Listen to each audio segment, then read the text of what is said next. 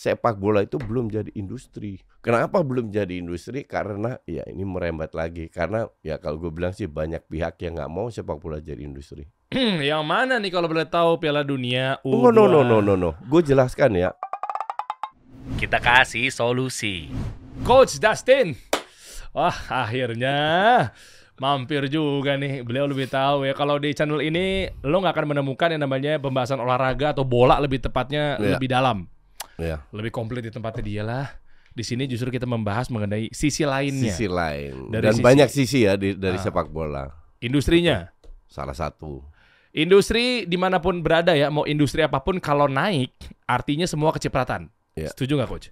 Ya, kalau gini ya, sepak bola itu olahraga nomor satu ya di dunia, Oke. termasuk industrinya.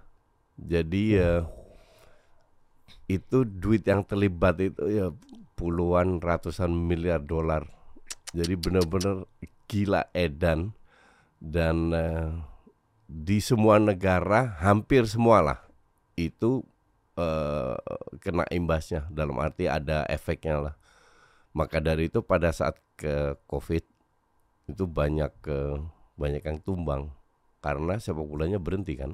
Wah, contoh misalnya, coba kita bedah satu persatu nanti detailnya nanti kita Ya, bahas ya. ya, Jadi di ya. sini kita nggak lagi bahas antara kalau gue bahas Spurs di sini panjang banget nih Ya. urusannya sama Arsenal kan. Enggak sebenarnya enggak panjang Ya, karena enggak- karena enggak ada yang harus dibahas Iya, iya, dari iya. Spurs. Iya ya. Jadi gini ya. Bola bawahnya ada hotel. Di luar bolanya dulu deh. Iya. Kan bola itu sendiri udah tiket udah itu udah nggak kebayang ya. Iya, iya. Tiket, merchandise, apalagi sih biasanya?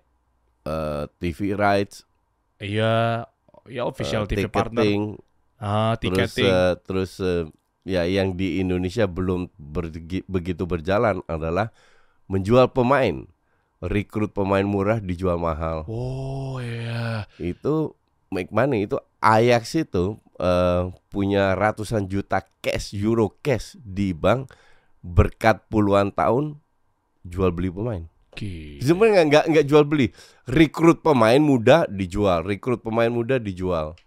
Nah berarti bisa dikatakan kalau kita belum ada di titik itu artinya industri sepak bola di Indonesia buruk dong. Bukan buruk, masih rendah. Lu nggak boleh negatif thinking. Ya Kan makanya kita- kan gue nanya. kan kita kasih solusi. Tiket juga jadi pemasukan ya. Iya, tapi nggak terlalu besar. Kalau udah ada stadion dibikin bagus, potensi datengin tiket tinggi, tapi malah nggak lama stadionnya rusak gara-gara mungkin dirubah, diganti apa segala macamnya, tiketnya jadi pendapatan rendah lagi dong. Nggak lebih ju- justru kalau ka- kalau stadion rusak diganti dan lain-lain kan harusnya jadi lebih bagus, bukan lebih jelek kan?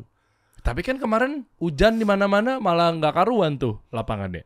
Eh, Kegenang iya, air. Iya betul, artinya harus diperbaiki kan agar menjadi lebih bagus. Pada saat menjadi lebih bagus, ya tiketnya juga bisa dinaikin. Kan katanya kemarin udah bagus stadionnya. Standarnya siapa yang bi- bilang bilang bagus? Bagus itu kan baru teruji kalau sudah dipakai, sudah kena hujan dan lain-lain. Kalau dibangun belum dipakai, orang mau klaim itu bagus ya, kan belum ada buktinya. Gitu. Gue yang mancing, gue yang takut nih. Ngeri juga nih emang bahaya salah mancing gue. Apalagi ya, pokoknya banyak lah ya. Hotel penginapan. Kalau ada pertandingan kan pasti kan hidup juga tuh industrinya di perhotelan gitu ya. ya. Dan bukan hanya untuk klub bolanya, tapi untuk e- ekonomi mikro ya, Mm-mm. untuk Ya, orang ah. sekitarnya itu itu semua kena imbasnya. Ya seperti yang lu bilang hotel, warung-warung di sekitarnya eh, apa nama transportasi, gojek-gojek Oh, iya. eh, di di yang menuju ke stadion, fansnya, tukang parkir, oh. banyak yang kena. Gue nggak mau yang jualan jersey karena banyak KW. ya.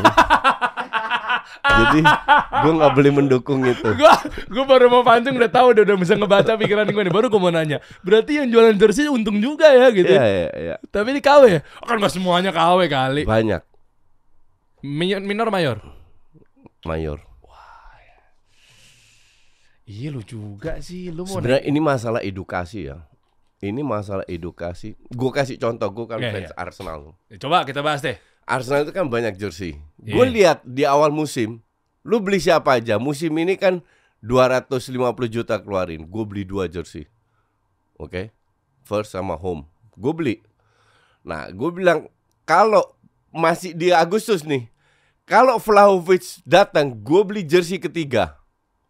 Ternyata nggak datang kan? Ya yang ketiga gue nggak beli. Karena gue tahu dengan satu jersey aja gue berkontribusi kepada Arsenal. Eh. Nah kalau lu keluar duit banyak, yuk gue rela untuk beli banyak. Hmm. Ngerti nggak? Iya, Nah, iya. J- di Indonesia ini kita itu belum dididik untuk apa ya? Untuk melakukan membuat eh eh, sepak bola menjadi industri lah. Itu kan butuh banyak peran dari beberapa pihak. Salah satu fans. Kalau fansnya membeli eh jersey original itu tidak hanya menguntungkan brand yang brand jersey-nya, tapi juga menguntungkan klubnya. Hmm. Kalau mereka beli jersey KW, klubnya nggak dapat apa-apa. cuma kan dapat exposure jadinya. Ya exposure kan Oke lah, Lu- eh, coba lumayan nggak jujur kalau exposure tinggi juga dapat nggak imbasnya ke kalau kalau mereka pakai jersey ori kan exposure juga. Bukan hanya KW. Oh iya, udah dapat exposure, dapat keuntungan Dapat juga ya. keuntungan. Buat ke stadion Iya. ya, buat infrastruktur Iya, ya. ya. Dan dan fans itu maunya tipikal yang sering terjadi di eh, di negara ini, maunya instan, gratis, gratis tapi banyak. Gue mengeducate member gue dan eh, gue punya grup Telegram ya, isinya hampir 8.000 orang. Uh. Gue gue bilang kan kalau ada match orang tanya eh, minta link dong, ada yang minta Iya. minta link. Lu kasih link ilegal, gue blok, gue kick langsung dari grup itu. Hmm. Jadi lu tidak boleh, gue tidak mendukung men-share link ilegal. Oke? Lu kalau mau share link, link yang official. Karena mereka beli rights-nya. Hmm. Mereka punya hak untuk mendapatkan keuntungan. Sama gue, gue langganan, you name it lah semua. Dari video, be-in, apa Mola. semua. Mo, mo, mola nggak? Karena untuk gue, service yang diberikan Mola ke gue itu terlalu jelek.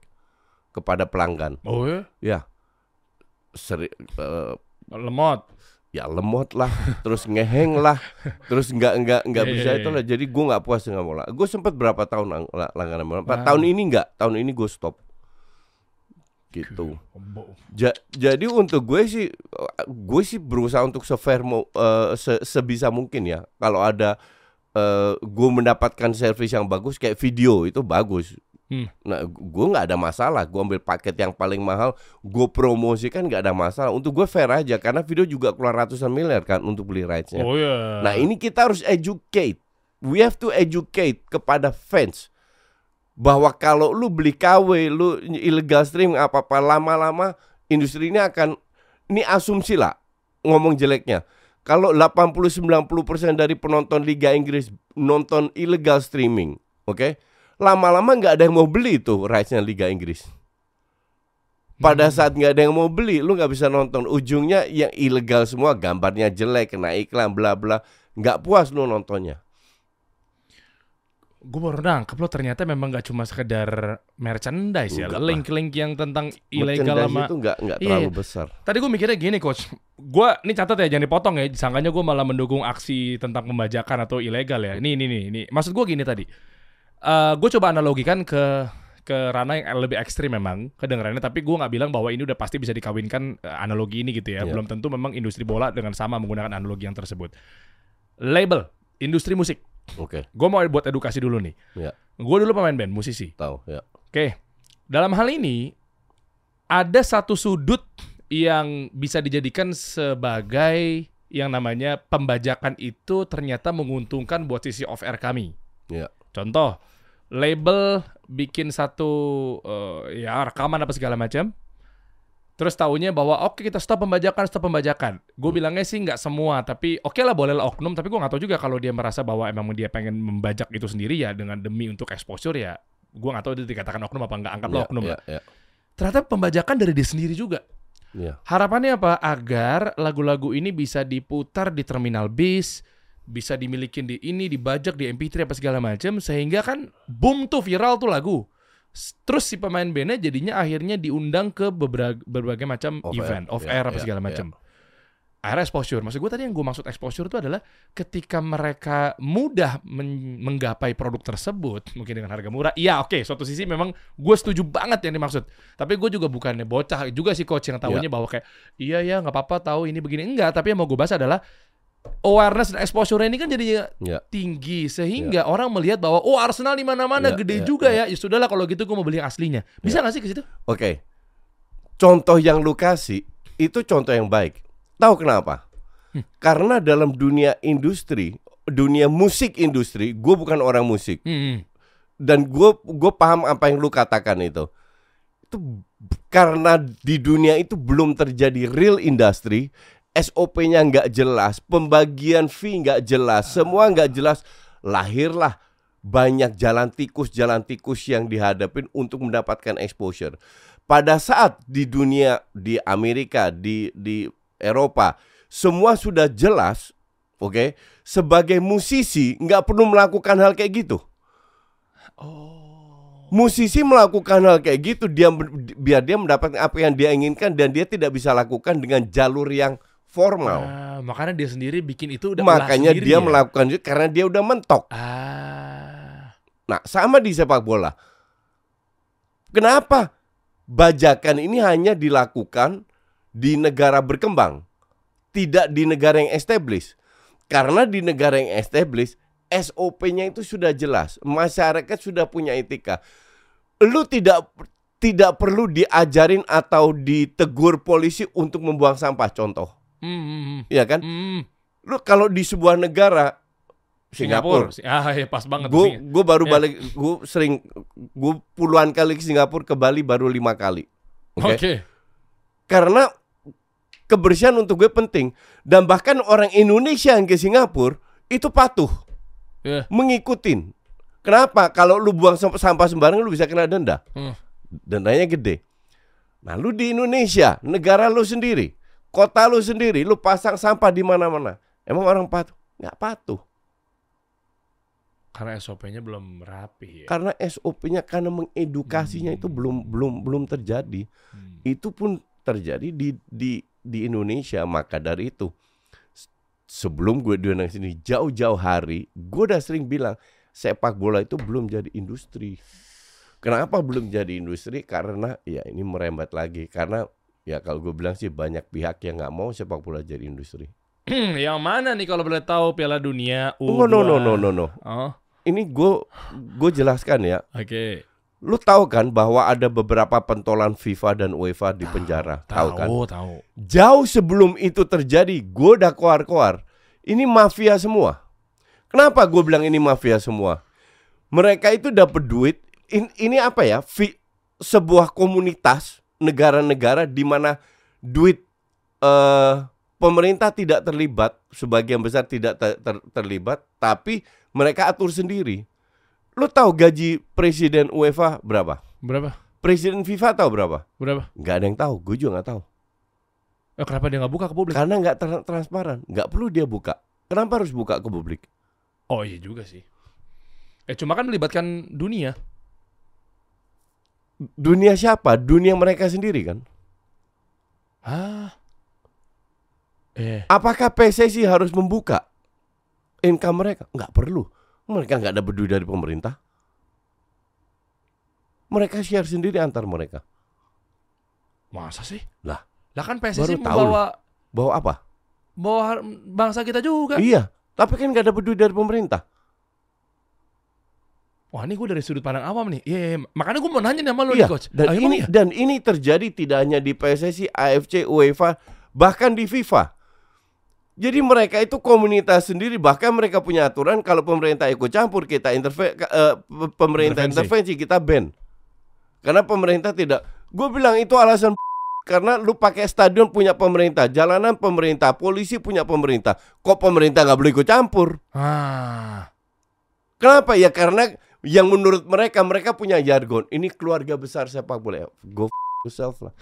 Ka- karena tujuannya dan FIFA sudah terbukti bahwa karena lu terlalu close internal terjadi hengki-pengki antar Ah. mereka. Dan lu tahu yang nangkep siapa? FBI. Lu kok bisa FBI? Kok bukan Interpol Eh, dari eh, Swiss? eh, Kok bisa FBI? Karena uangnya berada di American soil. Oh. Perputaran duit itu. Jadi FBI punya hak karena uangnya di Bank Amerika, FBI punya hak untuk in- in- investigate.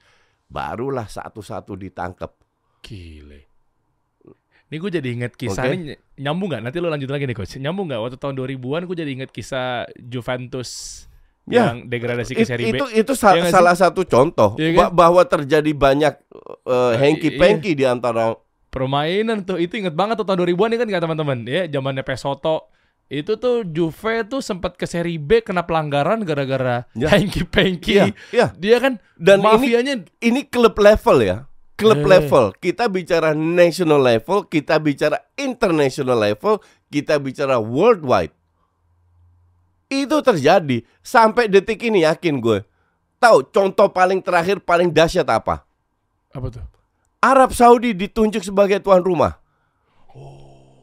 Kok bisa? Ama Infantino aturan FIFA dikadalin. Aturan FIFA kalau di negara Asia satu sekali jadi eh, tuan rumah, dua kali nggak boleh, ketiga kali boleh. Oke. Oke. Terakhir Qatar Haha, hah, Iya kan? haha, nanti akan eh, eh, di eh, Amerika. haha. Habis itu di tiga negara di tiga negara di Amerika Latin, terus satu Oh, di Afrika, satu Eropa, baru ke Saudi. Oke? Masuk akal nggak? Masuk akal nggak? Lu menunjuk Piala Dunia di Amerika Latin, benua Concacaf, tiga negara Argentina, Uruguay, sama sa- satu lagi hanya main satu pertandingan. Lu main di Maroko, benua Afrika hanya segelintir pertandingan, mayoritas di Spanyol, Po- Portugal lebih banyak pertandingan. Kenapa pada saat ditunjuk itu mereka udah nggak bisa ngebit untuk Bener. untuk eh, Ya, apa si namanya? Pertandingan itu. Untuk event untuk menjadi tuan rumah Eh. berikutnya. Hanya Asia yang kosong.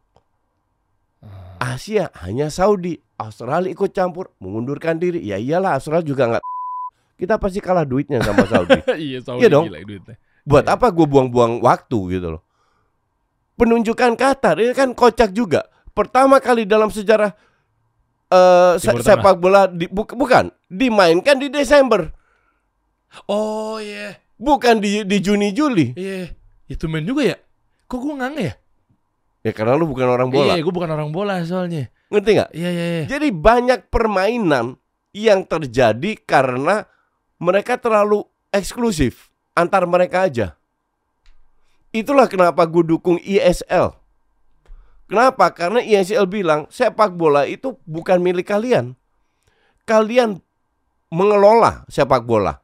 Tapi kalian tidak punya hak untuk memonopoli. Masuklah ke peng- pengadilan di European Union. Pengadilan bilang, oh ya, ISL benar. Wong tinju punya tiga Hmm. asosiasi kok. Hmm. WBC, WBA, IBF. Kenapa sepak bola nggak boleh?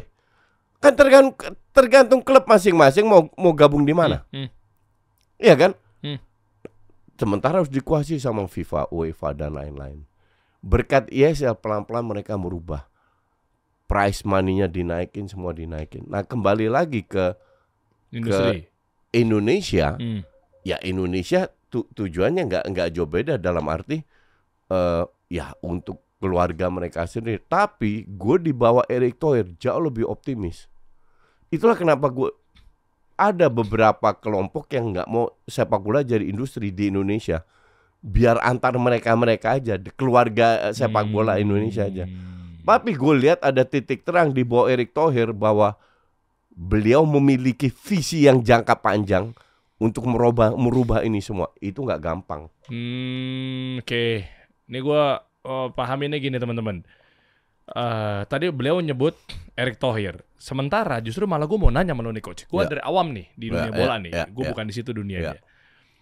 Kan sempat ramai kemarin. Nih gue nggak maksud untuk membentur-benturkan ya. Di sini pure kita bahas mengenai edukasi industri sepak bola Ya, ya. dari segi ekonomi Ya. bisnis gitu ya. Ya, JIS ya, Pak Anies Baswedan ya, ya kan Ya. bikin apa segala macam. Ya.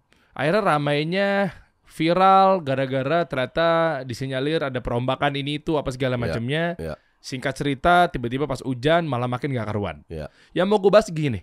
ketika Pak Erick Thohir jadi, gua nggak Iya. tahu nih. Ini ada pisau bermata dua. Tadi lu bilang di bawah Erick Thohir justru oke. Tapi sementara di sisi lain menganggap katanya, mohon maaf nih, Erick Thohir ngacak-ngacak dunia sepak bola. Enggak. Nah. apa yang diacak?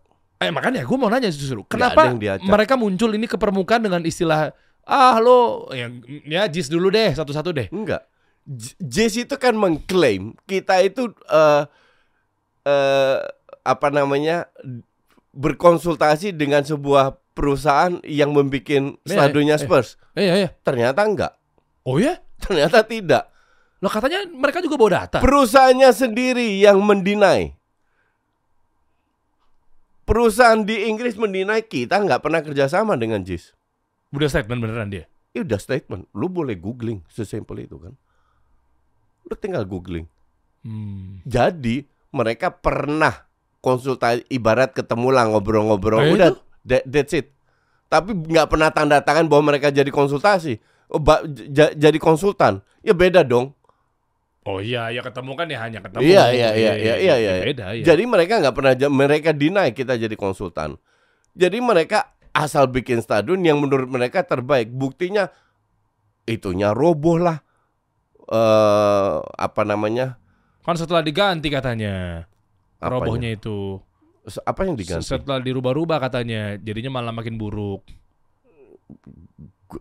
Gua ra- Katanya, kan gue dari Iya, media iya, aja. Gua gua rasa enggak. Gua rasa memang udah bangunannya buruk. Oh, karena yang dirubah bukan fasad atau fundamentalnya lah kasarnya iya, gitu ya. iya. Hmm. Emang kalau lu bikin stadion dengan akses kayak JIS, tidak ada satu standar internasional yang yang approve itu. Akses itu penting, Bro. Kalau terjadi apa bencana, kebakaran di di dalam gimana orang bisa keluar? Emang salahnya di mana? Enggak, gue awam beneran gue nanya. Aksesnya itu jelek banget, satu satu Emang iya? akses. Iya. Dari segi apa nih? Lu lihat dari YouTube konsepnya slang yang ada di situ. Orang keluar gimana? Berapa jam harus keluar? Akses keluar masuknya. Jadi ternyata harus dibikin sebuah jembatan atau apa ke MRT atau yang yang sekarang masih Ah, belum ah. ada. Kayak kayak gitu-gitulah. Agar mudah. Iya. Jadi akses itu penting. Di JIS saja makanya JIS itu nggak akan di-proof dengan standar internasional seperti mereka klaim karena aksesnya nggak bener. Tidak sesuai standar. Ya gue gak paham. Nanti coba mungkin gue datengin uh, arsitek terbaik di Indonesia kali ya. You, you have to check that. Ka- karena kalau dibilang Erick Thohir ngacak-ngacak, Erick Thohir itu nggak punya wewenang untuk ngacak. Erick Thohir punya standar. Standarnya apa? FIFA dan itu tidak dipenuhi oleh JIS. JIS boleh mengklaim apa? Contoh kayak bis, bis yang harus Shuttle. ke ya. shuttle ke untuk pemain terlalu pendek. Hal-hal kecil banyak yang cacat di JIS kecil. Yang mereka lihat adalah dalam stadion. Kursinya mewah, ininya rumputnya bla bla bla itu oke iya. Tapi stadion is more than that. Oh iya, iya, iya. Ya kan? Hmm. Jadi gua gua rasa Erick Thohir nggak ngacak-ngacak.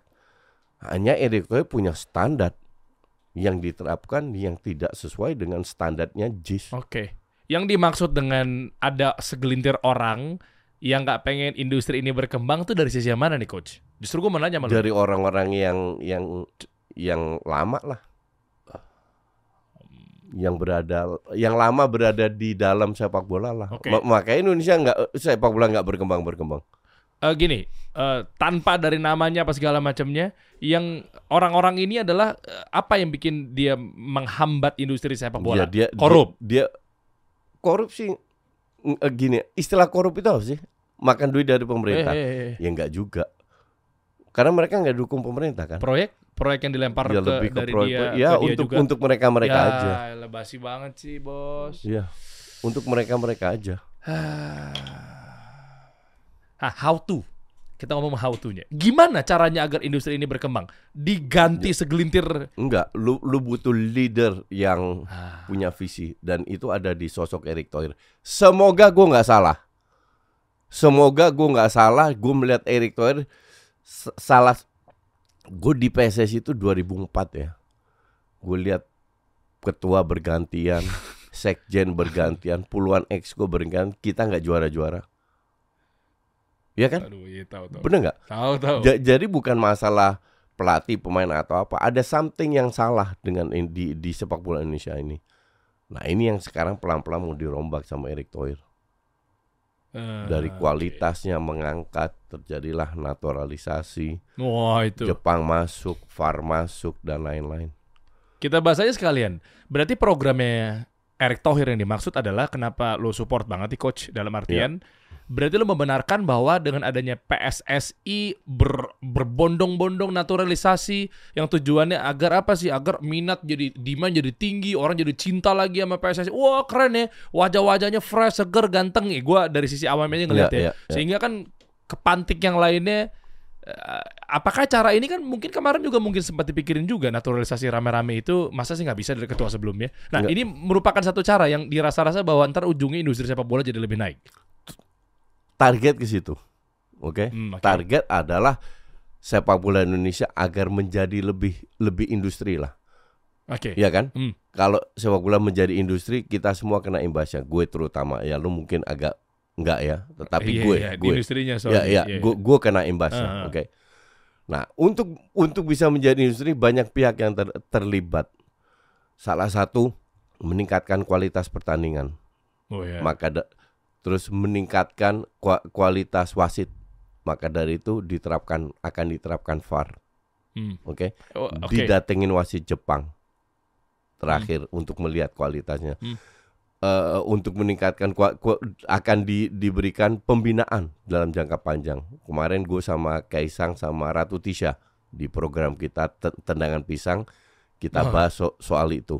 Oke, soal pembinaan dan gue korek-korek Ratu Tisha menjelaskan program. Jadi banyak nah salah satu itu adalah naturalisasi. Jadi naturalisasi ini adalah bagian dari serangkaian tindakan yang dilakukan oleh PSSI. Gue kayak jubir PSSI. Padahal gue selalu kritik PSSI ya Eh, untuk me- meningkatkan agar sepak bola menjadi industri. Jadi orang untuk gue sih lucu kalau hanya fokus ke naturalisasi aja. Padahal banyak faktor yang dilakukan oleh PSSI untuk mengangkat salah satu yang naturalisasi. Kenapa naturalisasi? Simple. Kalau lu di sini nggak nggak ada barang bagus, ya lu belanja di luar. Eh, Iya, lu sama gue kan sama. Lu mau cari brand apa gitu, Eh. nggak jual nggak nggak dijual di di Indonesia.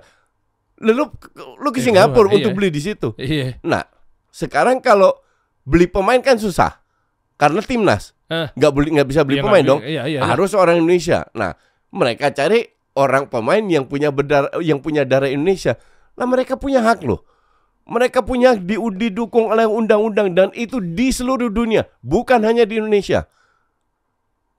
Oke. Untuk naturalisasi ini kan ada ada masa tahunnya kan? Iya, lima tahun, Eh, bukan 10. lima, 5 ya? lima kalau lu no- nggak ada darah Indonesia kayak Mark Klok, Ah, oke. oke? Oke. Lima tahun lu bisa jadi Indonesia. Greg Nkolo, Eh. eh, ada beberapa lah, Hmm, oke. oke? Iya. Jadi itu yang yang naturalisasi karena mereka bukan orang Indonesia.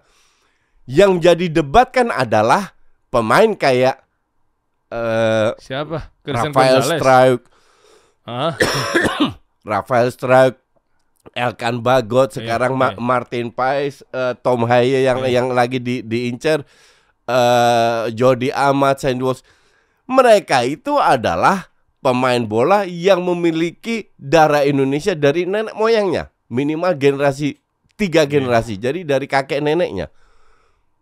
Nah, kalau lu punya darah Indonesia, lu didukung oleh undang-undang dan itu nggak hanya di di Indonesia aja, di semua negara, banyak negara lah, mayoritas dari semua negara di Indonesia punya undang seperti itu. Kalau lu punya darah negara ini, lu boleh boleh menjadi negara eh, eh, apa nama warga negara sini. Hmm. Da- Jadi yang dilakukan PSSI hanya memanfaatkan aturan yang ada. terus kenapa jadi isu? Rame debat dan seterusnya. Padahal kan dia dari Indonesia. Itu oleh Hah? eh, orang-orang yang merasa kehilangan lahan. Oh, alah. Tapi untuk gue, ya gue gue tetap respect mereka. Se- Semua orang punya hak ya untuk untuk berpendapat. Gue gue tidak pernah mem- mem- mempermasalahkan naturalisasi. Gue lihat justru kalau lu merasa naturalisasi nggak benar, lu tunjukkan bahwa lu lebih baik. Sa- Hmm. Sama kayak di Liga 1, lu tahu ada berapa pelatih lokal? Nggak tahu kan? Nggak tahu. Oke, kira-kira berapa? Ada 18 tim kan? Iya mayoritas. Ya, oke. Iya. Let me tell you, dari 18 tim cuma tiga. Masa? Eh, Tahun lalu cuma satu. gila gue bilang mayoritas tuh artinya se- se- se- 10 Le- lebih. Mayoritas 50% plus satu. Iya, iya Iya berarti kan? 10 lebih. Iya, iya. Tiga. Tiga dari 18. Tahun lalu cuma satu. Musim lalu. Terus lu salahkan siapa? Menurut lu? Siapa? Ya nggak ada yang salah. Ya klub-klub kan pengen yang terbaik. Cuma kan ada orang yang gak kedapatan kue. Ya, exactly. ya, ja- jadi lu sebagai pelatih harus menunjukkan bahwa lu lebih baik daripada pelatih bule-bule itu. Iya dong. Iya bener. Ya sama pemain juga. Lu harus menunjukkan bahwa lu lebih baik daripada pemain-pemain bule yang menjadi ujungnya kan mereka satu tim. Kalau lu tidak lebih baik, justru rasisnya di sini. Kenapa nggak ada pemain lokal dong? Nggak ada hubungannya. Mereka mereka ini mau kulitnya hitam, putih, merah, hijau selama mereka pegang paspor Indonesia, mereka orang Indonesia. Mereka perkuat merah putih. Iya kan maksudnya gini Kalau coach. tidak ada pemain Iya, iya. lokal, artinya pemain lokalnya kurang bagus untuk bisa bersaing. Iya, cuma mungkin masih gini kali coach. Gua nggak bela gimana-gimana nih. Mungkin lu lebih paham, tapi kan budaya. Kita ngomong nih budaya dulu nih, culture dulu nih. Dari zaman eranya tahun 2000-an, 2000 ke atas lah, awal-awal 2000-an. Di zamannya Carlos de Melo, naik lagi ke sini lagi, Christian Gonzalez, itu kan budayanya kan sangat minor sekali orang-orang yang dirasa parasnya tuh Indo-Indoan gitu loh. Nah, kok tiba-tiba sekarang malah termanuver dengan yang lebih banyak yang eranya naturalisasi, kok banyak yang bule-bule. Nah, makanya mereka terlepas dari paspor sama darahnya ya, Ya. Mereka langsung mindsetnya kayak, eh kok jadi warnanya gini semua ya, Ya. gitu. Nah, ma- maksud- mindset itu harus dirubah. Se- seperti gue punya member di YouTube, member loh. Member itu artinya orang harus bayar bulanan untuk nonton video Nih. gue, untuk mengedukasi. Itu tugas gue untuk tampil di dunia eh, digital adalah mengedukasi. Iya, itu. Dan hanya orang yang mau diedukasi, yang pikiran mau bayar tiap bulan, member gue ribuan loh. Bukan 100 200 ribuan. Oke. Yang gue edukasi. Nah, itu pun budaya itu harus kita edukasi karena tanpa budaya itu kita nggak ke mana-mana dengan sepak bola. Ah, ini poinnya. Memang kita butuh Pada saat lu beliau. stuck di sini, eh, lu harus lu nggak maju-maju lah. Contoh kasih solusi, viewsnya begini-begini. Lu kan pikir kok gue nggak naik-naik. Iya dong. Iya betul. Kan Iya. se- sesimpel itu. Gue juga sama Jason kok nggak naik-naik ini. Kalau nggak naik-naik kita harus mengaca, bukan kita menyalahkan ini itu dan lain-lain. Iya dong. Ah, Nah sama kayak ini kalau kalau lokal-lokal semua nggak naik-naik gitu-gitu aja, ya kita harus mengaca. Bagaimana caranya kita untuk lebih bagus? Kita datangkan naturalisasi. Apakah lebih bagus? Belum tentu. Tapi minimal kita melakukan perubahan. Baru kita bisa lihat setelah lima tahun 10 tahun ke depan apakah naturalisasi adalah step yang benar atau tidak. kalau nyatanya enggak, enggak bener, salah langkah. That's the risk you have to take. Karena kalau enggak lu nggak akan ambil risiko, lu nggak akan maju. Hmm. Oke, dan Erick Thohir sudah menghitung nggak bahwa ternyata Ya, adanya pasti. Ya very simple lah. Lawan Libya, match pertama di mana kita kalah. Lihat babak pertama yang main naturalisasi itu cuma Rafael Struijk sama Eh, Marek Klok. Babak kedua yang lain lah. Jauh lebih bagus di luar skor. kita Jauh ngomong apa nih bagus. ball position dan seterusnya. Dan ngelihat orang awam ngelihatnya aja lebih enak. Hmm. Kalau ini lebih dikompakkan akan lebih bagus. Pasti mereka PSSI itu orang pintar semua, Bro.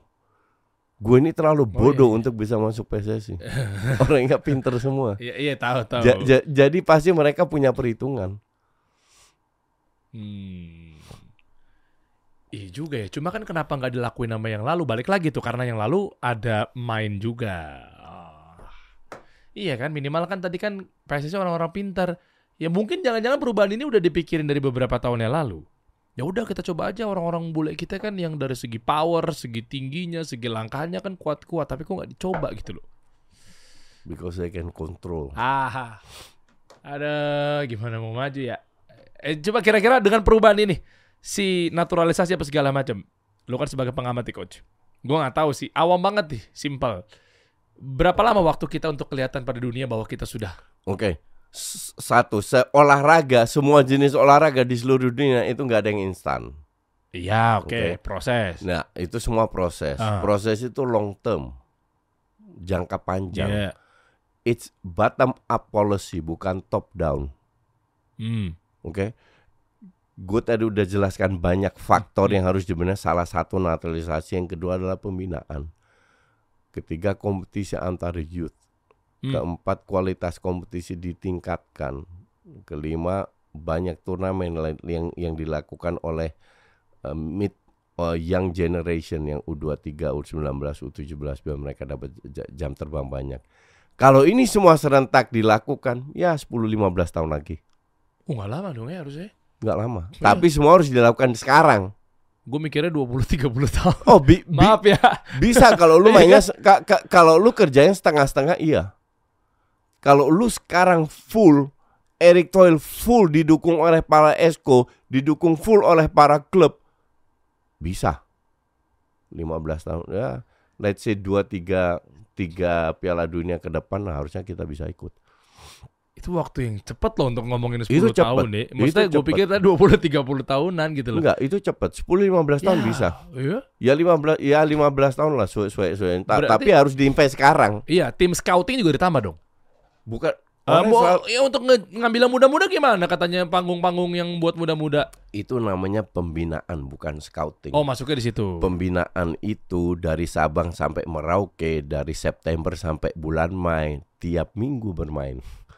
Pada saat kompetisi dilakukan oleh youth dari Sabang sampai Merauke, pemain yang bagus itu akan excel sendiri, nongol sendiri. Pemain yang bagus nongol akan diambil oleh klub.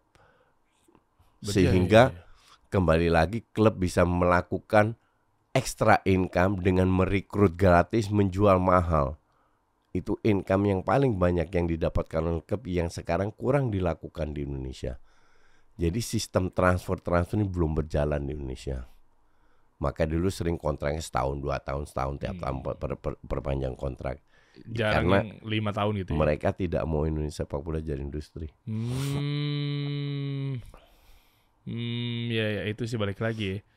Industri. Kalau ngomonginnya tentang U21 katanya tadi ada yang bilang bahwa ini harus dikontrol nih, harus dilihat nih dalam arti positif ya. Tapi ada juga pihak-pihak yang nggak pengen ada Piala Dunia di bawah umur 21 ya. Lah, Eh, iya kan maksudnya kan harusnya kan itu kan dijalankan dong.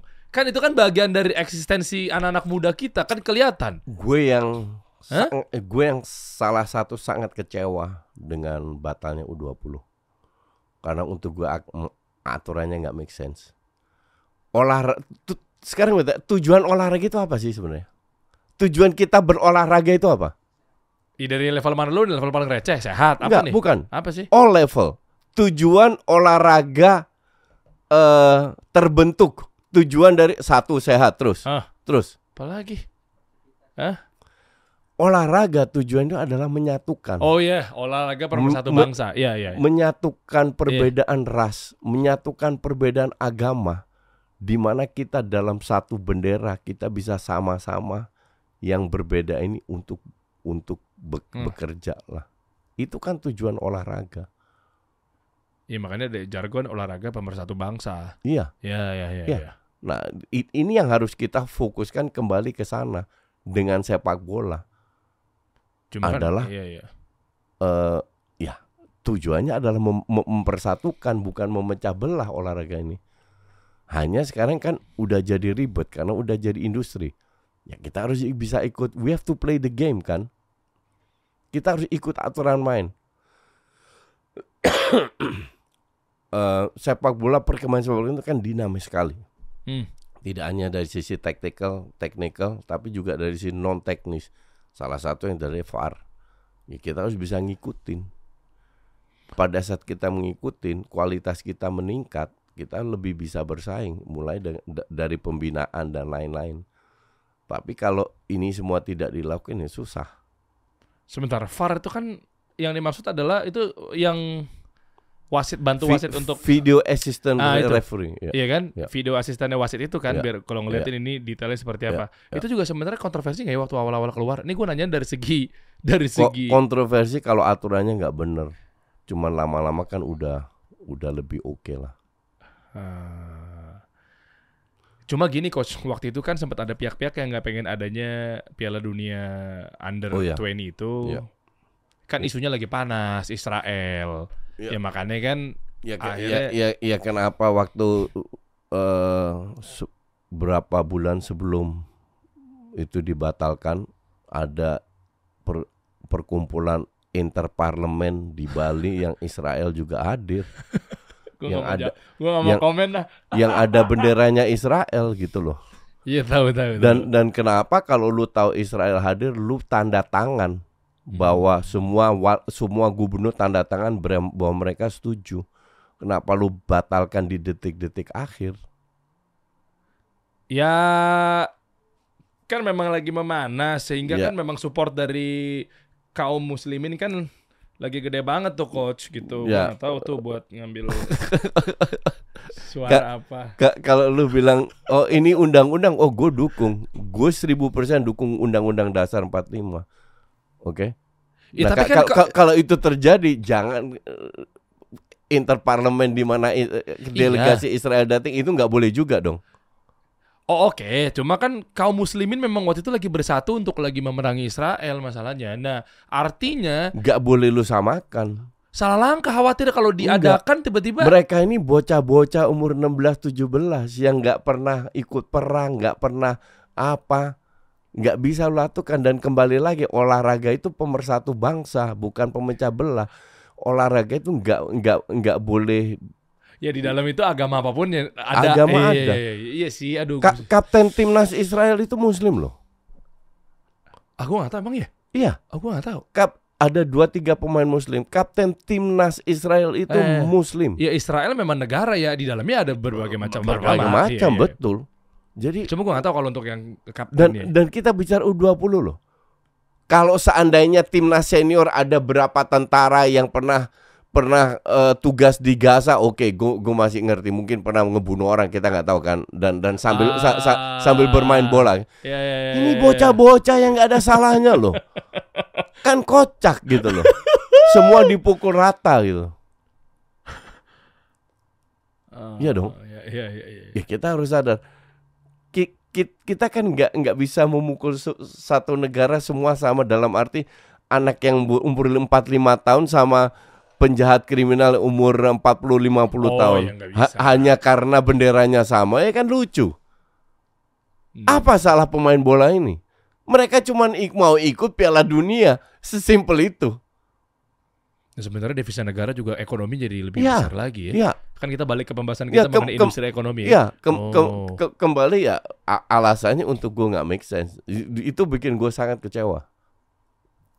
Eh, pembatalan U20 karena imbas positifnya itu besar sekali untuk kita. Hmm. Devisa masuk, promosi Indonesia, budaya Indonesia, promosi makanan Indonesia, promosi eh, pemain bola Indonesia, pem- pro- promosi peta sepak bola Indonesia di dunia internasional, di FIFA dan lain-lainnya.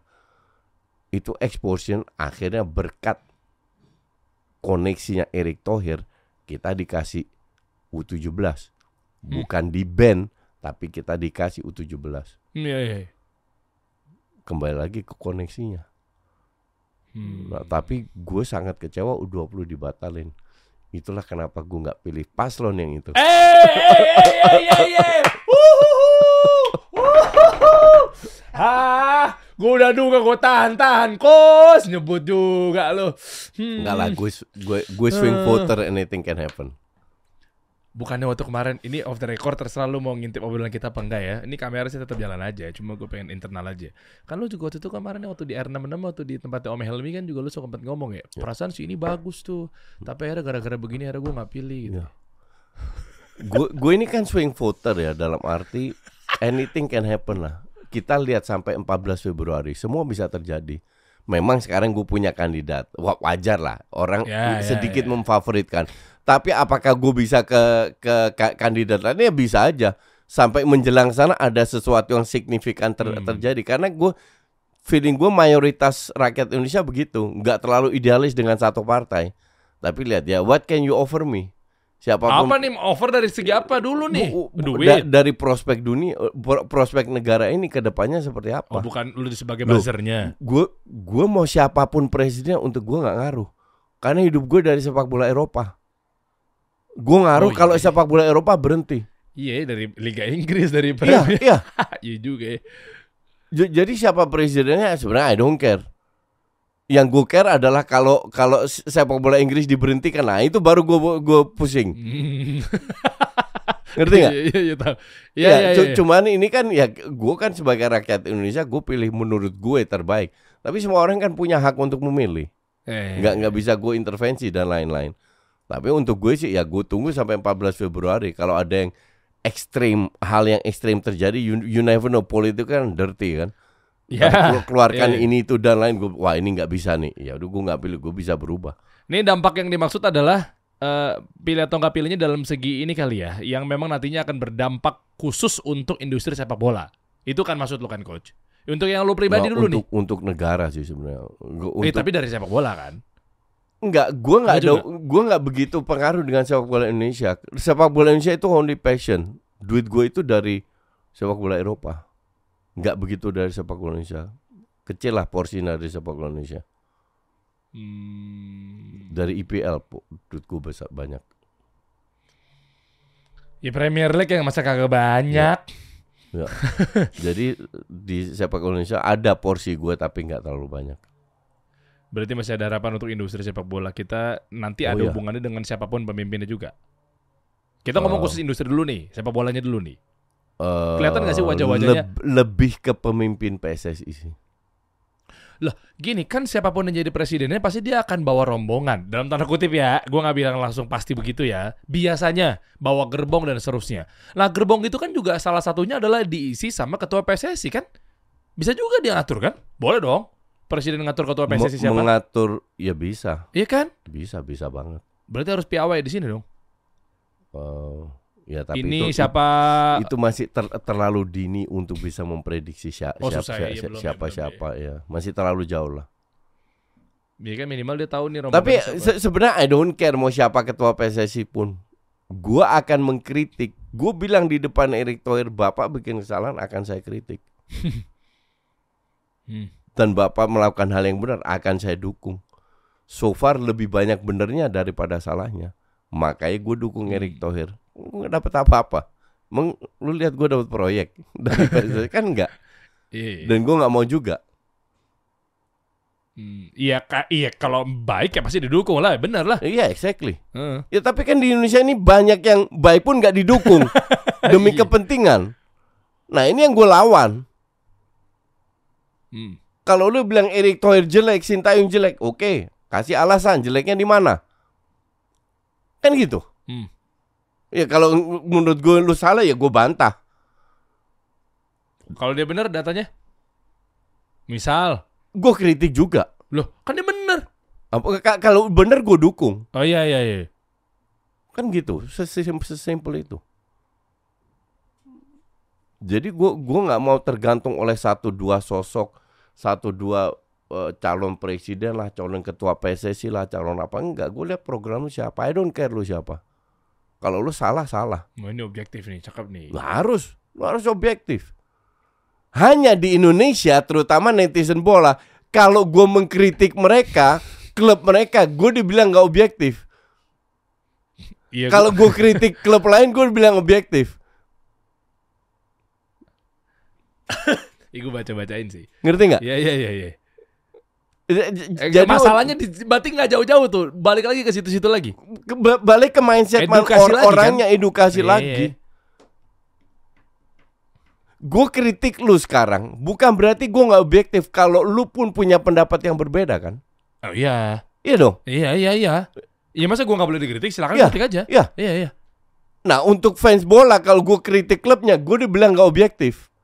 Kalau gue kritik klub lain, nah it- itulah yang terjadi dengan netizen. Gue harus tanggepin mereka. I don't think so. Heeh. Iya kan? Heeh. Gitu. Udah sa- sama aja di ya, sama kayak Erick Thohir banyak yang kritik ya. Kalau kita lihat kita eh, kelola lagi lebih dalam, kita kuliti lagi orang itu itu aja yang punya kepentingan. Ya, yang nggak jauh-jauh ya. Nggak jauh-jauh, itu itu aja.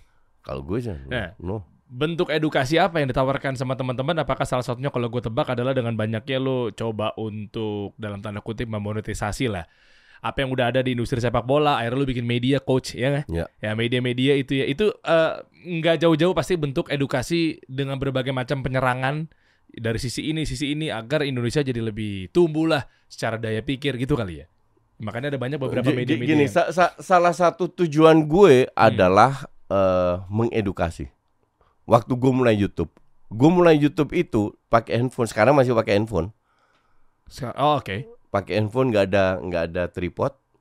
Laptop gue itu tahun 2019. Senderin ke laptop. Ya, senderin ke laptop. Jadi view view ke Serius atas loh? gitu. Iya, Ya, iya, oke. ya serius. Eh, pertama dua tiga kali. Ke- ke- Kenapa gue melakukan itu? Gue kan 14 tahun di TV, komentator TV Iya, bola. nonton kita kan. Iya. Heeh. Gue itu mer- merasa nggak dapat waktu dari TV untuk menjelaskan apa yang gue ingin jelaskan. Oh, Tentang kan, match ya itu. ada durasi. karena ada durasi kena Iyalah. durasi. Akhirnya nggak bisa. Gue gue coba bikin YouTube. Gue bikin lah itu YouTube. Gue jelaskan match yang gue siaran tadi yang gue tidak diberikan kesempatan untuk menjelaskan gue jelaskan di YouTube gue. Ternyata itu berkembang. Sampai 2021 gue bilang gue pensiun dari TV itu setelah Piala Eropa di RCTI Ah. Gue bilang sama orang orang-orang RCTI sorry guys gue diminta seri A siaran habis itu. Gue nggak gue pensiun full dari TV jadi bukan karena RCTI-nya tapi karena gue gue pengen pensiun dari itu gue fokus ke YouTube. Tambah naik lagi. Karena idealis keluar sana karena semua ya gitu ya. makanya gue banyak talk show yang konsepnya berbeda semua. Ada yang non bola ada yang bahas makanan ada yang bahas anak-anak muda percintaan ada eh, se- semua gue bahas. Karena ya kan ujung-ujungnya bukan masalah lu hebat atau tidak ada yang mau denger nggak Iya, Iya dong. Diterima nggak itu Iya. kan? lu bisa klaim diri lu hebat bla bla da- data lu ini itu kalau nggak ada yang nonton ya forward Hmm. gue nggak pernah klaim diri gue yang terhebat terbaik nggak pernah gue hanya klaim diri gue yang Justin itu pandit bola yang termahal itu aja Ah, bukan yang terbaik. Eh, karena yang terbaik itu orang yang nilai kan? Songongnya Anda yang seperti ini yang saya suka Nah, nih. inilah Indonesia Eh. percaya diri dan itu dibilang arogan. Ini murni Aduh. self confidence Eh, gue kan nggak fitnah. Gue berani diadu sama pandit lain. Gue yang paling mahal. I can guarantee you that. Wow. dan untuk bisa mempasang rate mahal pasti gue punya sesuatu yang gue bisa tawarkan dong. Value. iya Dari sisi yang mana nih value-nya? Itu dari kan? segala sisi dari engagement dari viewers dari apa gue gue bisa bersaing Ya iyalah. tapi gue tidak bilang diri gue yang terbaik camkan itu Ya tapi result yang mengatakan hasilnya. result yang mengatakan betul Tokopedia-nya sampai gandeng beliau guys. Iya. dan dan gue tampil di mana-mana Iya. loh der Iya, bukan iya. di satu to- topik loh dan hampir semua yang di mana gue tampil itu ya cepet ke atas lah Hmm. ya kan Hmm. Itu dia makanya coba Coach Justin ini monetize ke beberapa media. Ada banyak kok coba deh Dim. Lihat deh Dim. Eh, selain di channel beliau ya. Selain di Justinus Laksana. Ada juga di bawah, bawah eh klik eh, IG-nya. Ada beberapa ya yang ada Afif itu loh. Ada Iya. Apip atau segala macam. Itu punya lo juga kan Coach? Iya. Iya kan? Eh lo sama Pange ada program juga kan ya? Iya. Sama Tio, oh dia sahabat sahabat sahabat gue nih Tio dulu gue siaran sama dia Tio tuh. Prasetyo Iya, sekarang nggak dulu gue sama dia sama dia. Iya, sekarang dulu, enggak. gue satu radio sama Iya. dulu bos gue malah di radio. Iya. Dulu dia asisten direktur program dia, gue penyiarnya.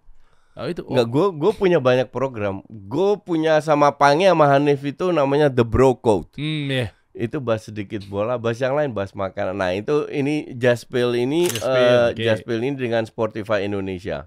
Ah. Nah ini orang bertanya, ini pertanyaannya random banget nih. Coach gue lagi sakit hati diputusin, apa yang gue harus lakukan? kayak kayak gitu gitu. Kenapa? Lu Iya. ambil bukan bedang lu, bola. Kenapa jadinya percintaan lu ambil juga, coach? eh, karena gue kan lebih dewasa daripada mereka. Gue punya pengalaman yang gue bisa share.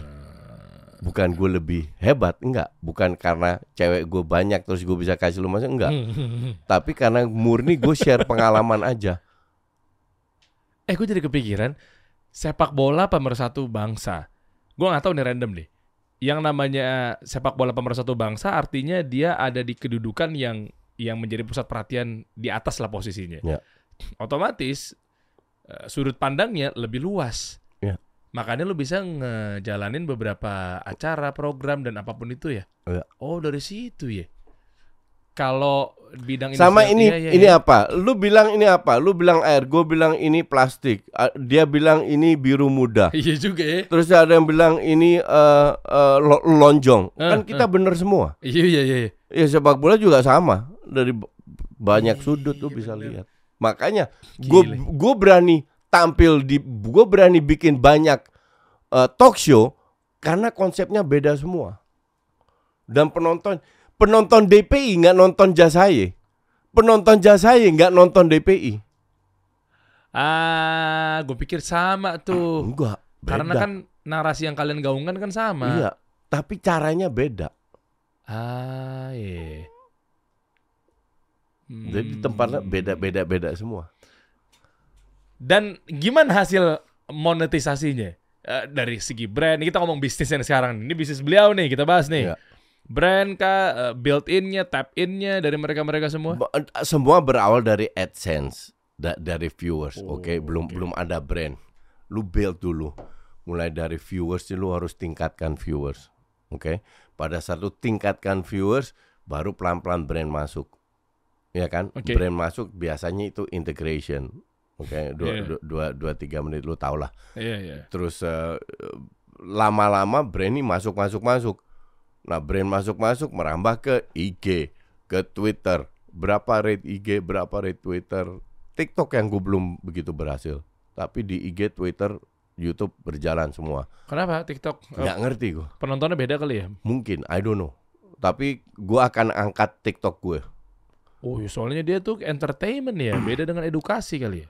Iya, gue gue nggak tahu. Iya. TikTok begitu tuh. Terus eh, terus eh, apa namanya? Eh Ya, how to monetize it lah. gue ini nggak punya manajer, nggak punya asisten, nggak punya supir, dan gue se- semua sendiri. I- i- itu mobil mewah yang di depan tuh Anda nyetir sendiri tuh. Gue nyetir sendiri dan bikin invoice sendiri, meeting dengan brand sendiri, semua gue lakukan sendiri. Lah kenapa kan bisa bayar manajer? Oh gampang. Kalau Eh, bi- bi- k- karena gue nggak yakin manajer gue lebih hebat nih gue daripada gue. Ngerti nggak? ya cuma kan ngebul juga kepala kalau semuanya ditambung sendiri. Enggak, ini ini ma- masalah efisiensi aja. Ke- Waktu, tenaga. Ya, lu lu lu tinggal atur. Kayak gue siaran di sini. Oke, Der hari apa? Selasa 2 sampai 4. Oke. Gue ava- av- available di jam gini. Habis itu ntar jam 4 gue ada janjian lain. Nanti jam ini ja- janjian lain. Gue sering kali se- sehari itu 5 6 kali siaran. Oh. Itu udah di fix kan jamnya. Ke sini itu berapa jam, ke sini berapa jam ini terus pulang tidur, nonton pertandingan. Gue ini kurang tidur. Ta tadi itu gue nonton MU loh. Habis itu bikin video, taping dan lain-lain baru gue bangun jam 12 baru ma- makanya gue agak telat dikit. 20 menit gue telat Eh, oke karena lah. eh, eh, apa namanya? jadwal gue my schedule is very tight. Tapi manageable. Nah, kembali lagi gue lebih gue tahu kalau kita bicara soal monetizing, gue nggak bisa kasih brand kecil sama brand besar sama harganya. Gue tidak bisa kasih eh, rokok contoh, harga sama dengan dengan eh, brand kecil makanan contoh. Kan rate-nya Oh, iya, beda-beda. beda, beda. Iya. iya, iya. rate-nya jadi, jadi gue lihat ini brand apa dan biasanya brand besar yang masuk kalau di gue ya. Hmm. Jadi gue bisa ya pukul rata dan harga sekali tampil dengan lima kali tampil kan beda. Oh iyalah. Terus juga effortnya apakah gue harus produksi atau la- langsung eh, t- po- posting doang kan beda lagi. Belum apakah editing. pro- produksi harus keluar harus edit apa? Gue hindari edit-editan ribet. Take it or leave it. Cara gue pakai handphone gue ngomong udah take it or leave it Gila, enak banget kalau udah personal brandnya kuat ya. Nah, Iya. sementara kan sekarang kan editingnya kan harus yang anak-anak Gen Z sekarang Iya. milenial kan tep tep tep ya tep tep ya tep. ya, ya gue Nggak butuh begituan. kagak Tapi gede lagi viewsnya curang ya. Nggak Iya. se-effort kita guys. Nggak, dan dan itu nggak Iya. perlu Ka- karena ya Ya perlu ka- kalau ka- bagi orang-orang yang lagi merintis Iya, ka- kalau betul. Tapi gue merintis kan nggak nggak pakai gituan juga. Gue pakai handphone doang loh, Der. Ya tapi kan zaman sekarang kalau dragging, males juga kalau orang nonton. Ka- kalau dragging iya makanya lu bikin biar lu nggak dragging. Oh berarti memang dari skillnya sudah dikuatin dulu sebelum produksi. Iya, betul. Hmm. Kan banyak cara. Hmm. Kalau lu harus punya studio, harus punya editor, harus punya desainer dan apa-apa. Kan orang yang nggak punya duit nggak nggak nggak bisa bikin konten. Gue mulai-mulai ya. Ya, karena kosnya kan tinggi. Faktanya adalah lu bisa bikin konten semua. Ini gue gue sempat bicara sama tukang ojek ini berapa tahun yang lalu. Ah. Dia kenal gue dari YouTube. Gimana? Gue bilang gue bisa bikin, lu juga bisa bikin. Caranya gimana coach? Ya gampang. Lu tinggal pasang kamera di depan motor lu sambil lu berjalan sambil ngomong. Semua bisa terjadi. Lu lihat gue ba- baru ambil ini apa. Gue Ah. gue kasih masukan ke dia bahwa semua orang bisa bikin konten, termasuk lu juga nggak harus kayak gue. Hmm. Ngerti nggak? Hmm. Jadi nggak harus punya editing apa-apa. Start dulu lah, mulai. Ini yang penting mindset. You have to start first. Baru sambil berjalan lu perbaiki. Kayak gue, baru gue setelah tiga bulan gue beli tripod. Gue beli mic 50 ribu online. nggak ada brandnya. Sampai orang tanya, Coach, mic lu apa suaranya keren? Coba gue lihat brandnya. Gue lihat brandnya. Kagak ada brandnya men. Cuman go gocap dari Tokped. tahu tahu tahu. Iya, tahu tuh. Mik mik yang ada ya. Mik mik Cina. Iya iya iya Iya, iya iya, iya, iya, itu. Terus sa- sampai sekarang gue punya karena kan gue punya berapa media, gue punya dua editor, dua desainer, satu YouTube manager. Tapi ini kan berkembang semua. But you have to start first. Ya, Sambil kok- iya, berjalan lu belajar. Ya, kalau nggak pakai ilmu kan start first start first berantakan yang ada ilmu Enggak. ilmu ilmunya harus kuat dulu Il- kali. Enggak, Hah? enggak, Ilmu masa nggak harus kuat? enggak, enggak. Kalau lu bicara ilmu yang kuat, war pandit bola yang punya data-data itu laku Ah. juga.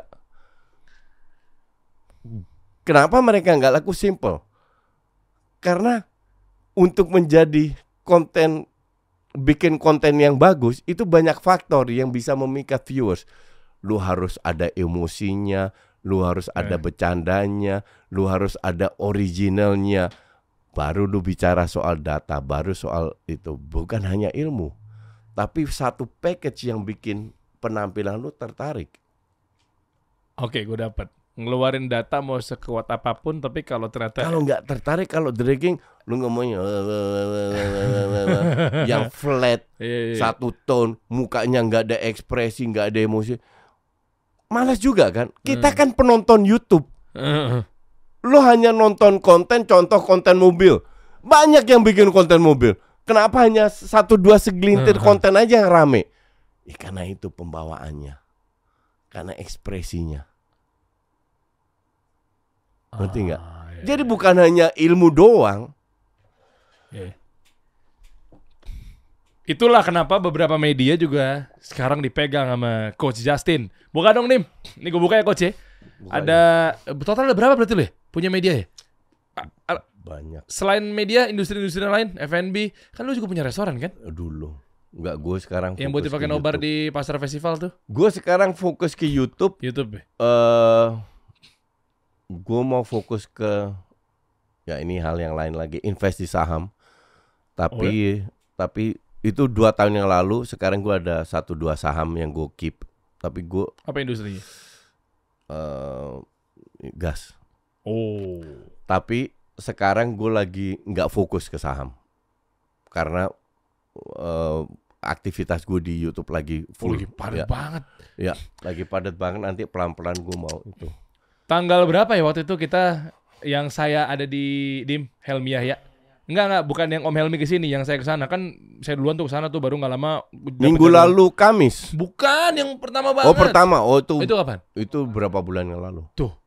Eh, eh, ta- tahun lalu ya tak tahun lalu Iya, pasti. tahun lalu tapi Setengah tahun yang lalu kali atau iya, lebih. Iya, iya, 6 bulan lalu ya. Agustus ya. Itu gue ngundang coach Dustin tuh di situ tuh. Baru kelar taping, nggak lama lu mau taping kan? Gantian Iya, kan? Iya. Coach, mampir coach. Ya yaudah yuk. Ntar coba waktunya. Baru kemarin meeting lagi sama Om Helmi gue mau bikin workshop kan kemarin malam-malam kita meeting itu. Baru yaudah. Lu nggak pernah hubungin ke gue, gue careless. Ya orang gue ngajakin yang waktu Iya, gue gue udah oke iya kan. Ayo aja. Terus tiba-tiba kenapa? Terus lu nggak nggak pernah kontak gue lagi. kali ya. Baru kemarin ketemu lagi Iya, baru. Ya udah deh, udah tentuin jadwal deh, gue tembak aja langsung. Iya. Ya, ya, ya, ya, ya. Nah inilah akhirnya banyak media-media yang banyak dijalanin sama beberapa. Terus terakhir di ujung obrolan, coach. Berarti ke depannya lo mau ngapain tentang industri? Ya nanti akan nyambung untuk ke industri bola. Gini gini. Edukasi dulu yang penting. Enggak enggak. Lu harus tahu prioritas kan. Iya, coba. Prioritas gue nomor satu itu adalah happiness, Oke. happiness dan sehat. Iya. Kalau gitu gue udah capai dua itu, itu tools gue, itu modal gue untuk meraih segalanya. Gue harus happy, gue harus sehat. Udah dapat belum?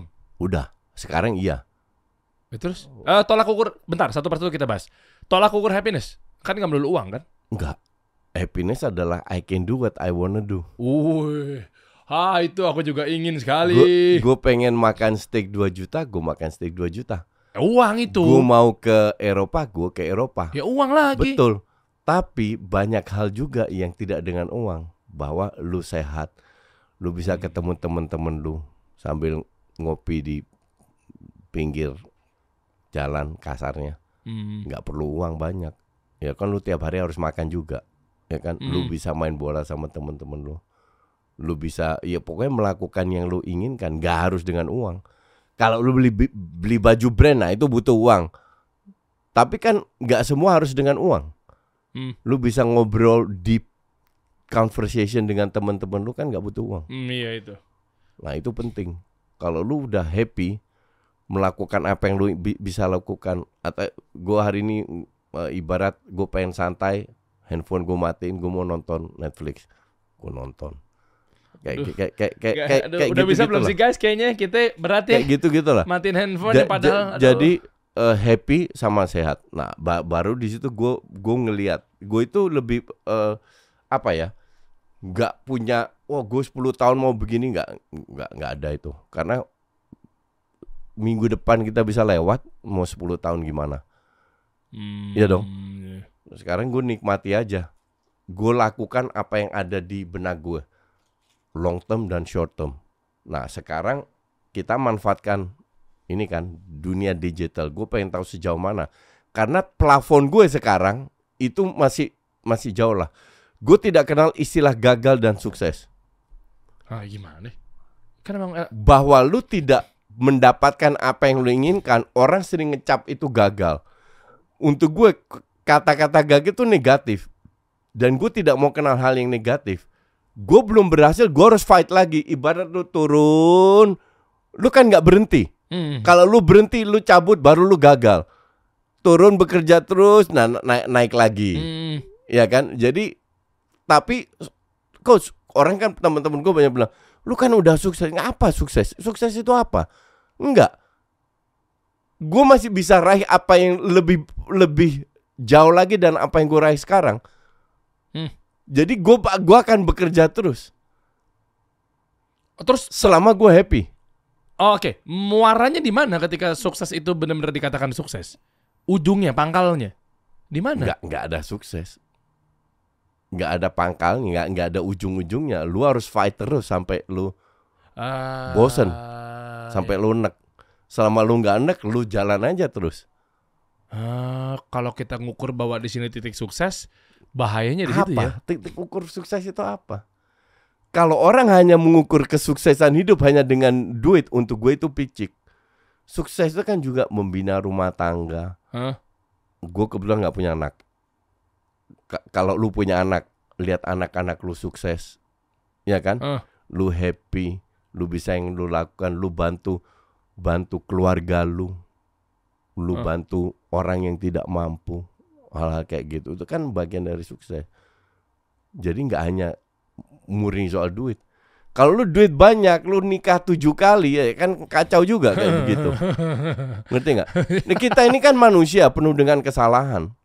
Whatever agama lu, Iya kan? Nah, ka- jadi lu berusaha untuk melakukan hal yang yang terbaik lah. Jadi bukan hanya soal duit. Wih. Emang bener ternyata ya. Sudut pandang bola tuh bisa ke mana-mana, bisa sampai ke sini Iya. obrolannya gue gak nyangka loh. Iya. Ini kembali ke mindset. Apa yang lu lakukan di bola itu banyak yang lu bisa lakukan di dunia nyata. Makanya jangan di stop gitu ya. Iya, betul. Jadi untuk gue sih, eh ka- kalau gue nggak bisa, I mean ini ini ini intermezzo ya. Ah. Al- almarhum Aji Maset itu sahabat gue, Oh iya. oke? Oh Dia tapi bilang- meninggal karena bola juga kan salah satu Iya, untuk iya. ya meninggal karena Allah gitu. Iya, tapi ka- maksudnya eh, kalau di Muslim ya, Iya. tapi eh, jalurnya yang dipakai adalah lewat, lewat bola. bola, betul. Iya. Eh dia kan masuk politik. Hmm. Dia ngajak gue masuk politik. Dia ngajak gue main golf segala. Gue nggak suka golf. Kenapa? Bolanya terlalu kecil. Terus dia bilang, ya lu bisa networking di situ. Banyak orang kaya, pintar, bla bla. Iya. I don't do that. Gue bilang, gue hanya melakukan hal yang gue suka yaitu sepak bola. Dan dengan waktu itu kan di futsal kan, gue Iya. lima tahun pelatih timnas kan. Hah. Dengan futsal pun gue meeting dengan dua menteri olahraga. Iya ya. Gue meeting dengan Pak Prabowo eh, di kantornya Bidakara. Hah? Gue punya program dengan Kaisang, Hah? Anak presiden. Gue kenal banyak seleb. Gue orang biasa. Jadi dengan sepak bola pun gue bisa meraih Gila. many things. Gila. Jadi nggak harus main golf, nggak harus masuk partai politik. Eh. Kecipratan sama para pejabat juga bisa dari bola. ya? Bisa, semua bisa. Just be yourself, show your character. Ini kembali ke mindset. Lu nggak perlu menjilat untuk menjadi seseorang. Ini di ujung ini gue tambahin nanti lu tutup nih coach. Bisa kenal sama segalanya apa segala macamnya itu. Padahal kuncinya padahal apa? Yang waktu kemarin kita ngobrol di tempatnya Om Helmi ya, yang dua aspek. Lu udah ini dan udah ini. Padahal lu minor sama Ya, gue double minority. ini bagus banget. ya, gue gue double minority. Bisa kenal sama semuanya tapi padahal meskipun gitu loh ya. Iya, Dia double minority apa? gue Cina dan Kristen. Iya kan? Iya kan? Keren. Dan ini kan tidak menghambat gue untuk bisa bergaul. double minority tapi malah justru bisa juga ternyata ya. Iya. Jadi jangan berkecil hati Anda double Jangan minoritas. berkecil, iya. Itu poinnya. Justru kalau lu tidak minoritas, harusnya lu bisa mencapai lebih Ah. le- lebih hebat daripada gue dong. Iya, Karena lu nggak ada hadangan kan? iya, Nggak iya. nggak ada kekurangan lah. Iya iya iya. iya. Kalau gue kan, lo gue gua aja yang double minority gue bisa. Kok lu yang nggak ada, lu lu nggak bukan minoritas lu nggak bisa. Non Muslim, Cina. Iya. Eh guys, ini sentilan loh, jangan malu loh. Ayo dong, kita double mayoritas. Iya. Muslim, pribumi. Pribumi. Iya. Ayo dong, lu ja ah, gimana? Masa lu sih? kalah sama gue? Ya.